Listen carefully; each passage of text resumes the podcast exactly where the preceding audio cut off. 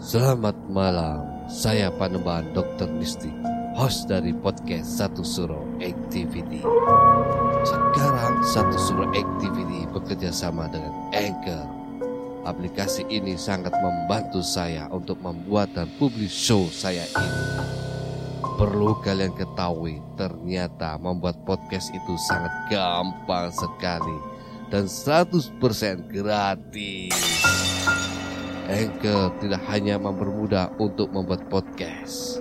Dalam hal distribusi pun aplikasi Anchor memiliki banyak jaringan, di antaranya Spotify, Apple Podcast, dan platform podcast lainnya. Tidak perlu berpikir lama, segera download aplikasi Anchor dan bikin podcast kamu sekarang juga gak pakai lama. Saat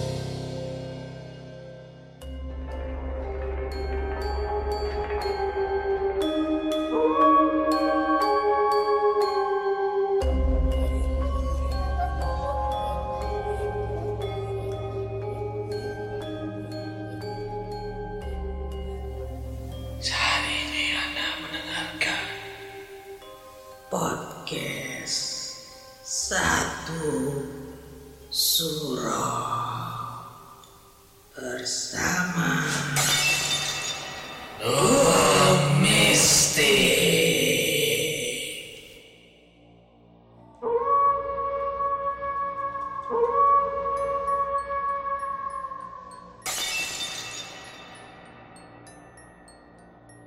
Assalamualaikum warahmatullahi wabarakatuh. Rahayu, rahayu, rahayu. Para pendengar satu suro activity, saya Panembahan Dokter Mistik.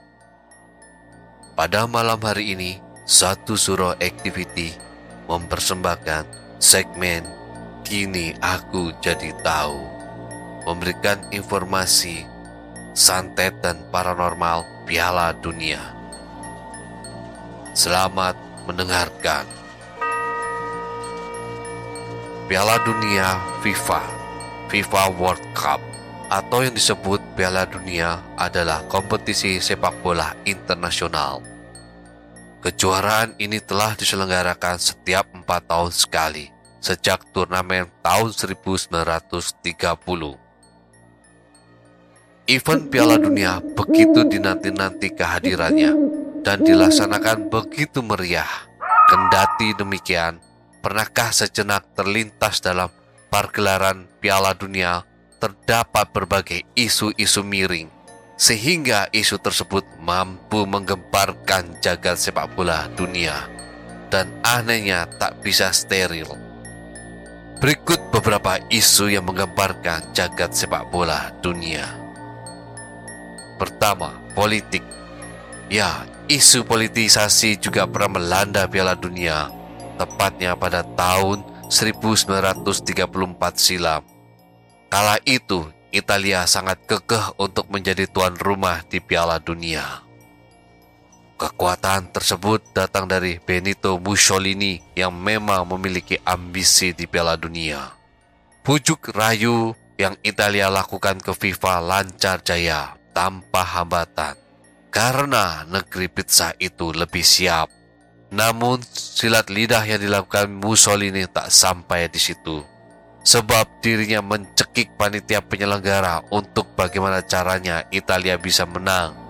Hingga akhirnya di laga final ala bersua Cekoslovakia Mussolini tanpa ragu menulis pesan ke kapten Italia yang berisi Juara atau mati. Beruntung Italia bisa menang 2-1 dan juara. Namun apakah kemenangan Italia itu tak lepas dari iming-iming Mussolini pada Cekoslovakia? Kedua, nuklir. Pada Piala Dunia 1998, Prancis ditunjuk menjadi tuan rumah oleh FIFA. Akan tetapi, pagelaran tersebut juga tak lepas dari isu yang bisa dikatakan sangat membahayakan. Bagaimana tidak? Sebab isunya adalah tentang nuklir di Piala Dunia. Kejadian itu bermula kala Amerika Serikat dan Iran memang memiliki hubungan bilateral yang kurang harmonis. Bahkan kala kedua negara bertemu dalam satu grup di Piala Dunia 1998, pemerintah Amerika Serikat mengancam akan menginvasi Iran yang diduga punya cadangan nuklir. Pertemuan Amerika Serikat dan Iran langsung dimasak oleh media massa akan berlangsung sangat tegang. Nyatanya, Iran menang 2-1 dari Amerika Serikat dan isu nuklir pun menguap begitu saja. Ketiga, santet. Pada Piala Dunia 1998 juga tepatnya di laga final akan mempertemukan Perancis melawan Brasil. Saat pertandingan tengah berlangsung dengan tensi panas, tiba-tiba Ronaldo kolaps di lapangan dan langsung dilarikan ke rumah sakit. Kabar burung menghampiri seluruh penjuru telinga kalau Ronaldo terkena santet. Sebab Prancis kala itu terkenal dengan masuknya imigran dari Afrika yang memiliki kedekatan dengan hal-hal mistis. Dari rumor yang beredar juga, kalau gelandang Zinedine Zidane sebelum laga dimandikan jambi-jambi oleh seorang paranormal. Tujuannya untuk melindungi Zidane dari guna-guna. Entah benar atau tidak, nyatanya Prancis menang dengan skor 3-0 dan keluar sebagai juara. Tak lupa juga kalau Zidane sukses mengemas dua gol dari sundulan. Jadi benarkah isu tersebut? Keempat, trompet. Pada Piala Dunia 2010 yang berlangsung di Afrika Selatan, juga terkena isu penggunaan trompet Vuvuzela. Pasalnya, suara trompet Vuvuzela terdengar sangat menyeramkan kala dibunyikan seolah-olah trompet tersebut sedang memanggil roh-roh kudus untuk memberikan dampak buruk atau trauma ke pemain lawan.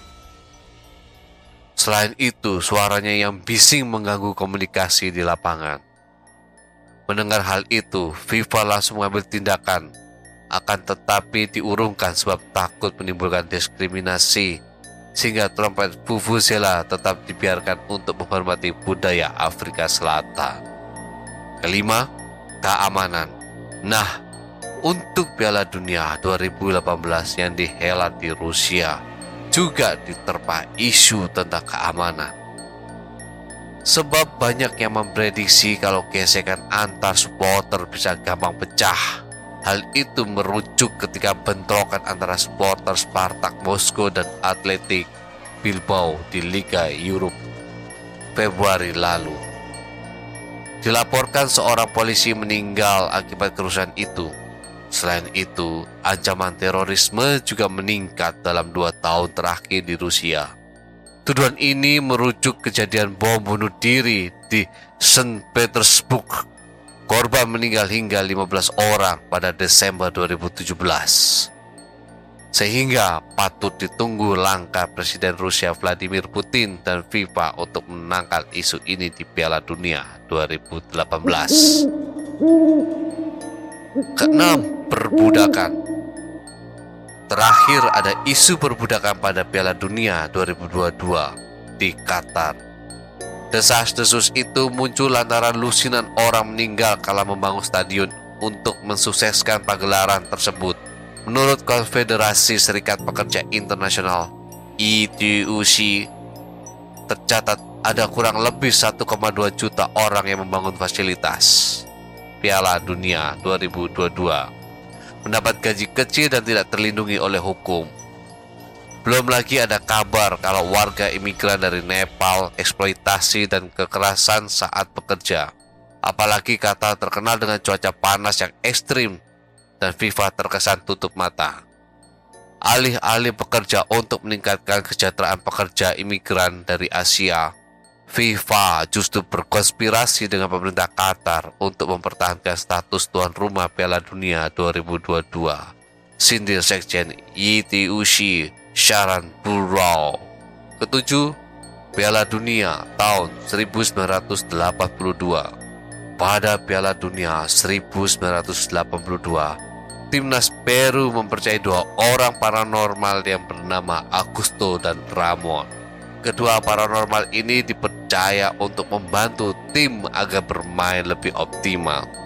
Namun, ilmu sang dukun tak lantas membawa Peru juara. Justru kebalikannya, Peru harus menanggung malu usai kalah dari Polandia 2-5 dan tersingkir di fase grup. Ke-8 Piala Dunia 2010, kisah paranormal selanjutnya terjadi pada Piala Dunia 2010 di Afrika Selatan. Saat itu sang tuan rumah Afrika Selatan mendapatkan sebuah saran dari seorang paranormal. Sang paranormal berpesan kepada tim dan pejabat yang berwenang untuk menumbalkan seekor sapi di stadion Soccer City. Tumbal ini diyakini akan memberikan Afrika Selatan kekuatan untuk mengusir nasib buruk. Namun, Tak ada yang tahu apakah nasihat tersebut dilakukan atau tidak. Tapi yang pasti langkah Afrika Selatan terhenti pada fase grup setelah menyelesaikan babak penyisian grup A di posisi 3. 9. Piala Dunia 2014 Cristiano Ronaldo cedera jelang Piala Dunia 2014 Konon cedera tersebut dibuat dukun asal Ghana, Nana Kwanu Bosam. Bosam mengklaim jika dia menyantet Ronaldo dari kejauhan. Sebab dia tidak suka karena dari hasil drawing Piala Dunia 2014. Ghana berada satu grup dengan Portugal. Dia mengatakan cedera Ronaldo tak akan bisa dijelaskan secara medis. Hari ini dia mengalami cedera di kaki, lalu besoknya paha, dan setelah itu di bagian lainnya. Masih di edisi yang sama, seorang dukun bernama Marcia Fernandez mencuri perhatian publik. Dia meramalkan Jerman akan menjadi juara Piala Dunia 2014. Nyatanya, prediksi sang paranormal ini tepat. Jerman berhasil menjadi juara setelah mengalahkan Argentina di final dengan skor 1-0. Ke-10 Piala Dunia 2022 Kisah paranormal yang pernah hebohkan Piala Dunia selanjutnya terjadi pada Piala Dunia 2002 Qatar. Ilmu paranormal digunakan timnas Senegal untuk mengobati salah satu pemain yang terkena cedera, yaitu Sadio Mane tim Senegal sudah berupaya untuk mengobati pemain andalannya ini. Tak hanya medis, bahkan tim Senegal melakukan tindakan non-medis atau dukun untuk mengobati pemain tersebut. Para sahabat satu surah activity, itulah tadi beberapa isu-isu miring yang menggemparkan jaga sepak bola dunia yang membuat kita tergelitik. Bagaimana dengan Anda? para pendengar sahabat satu surah activity. Silakan berikan opini kalian di kolom komentar. Jangan lupa subscribe, like, dan bunyikan lonceng keramatnya.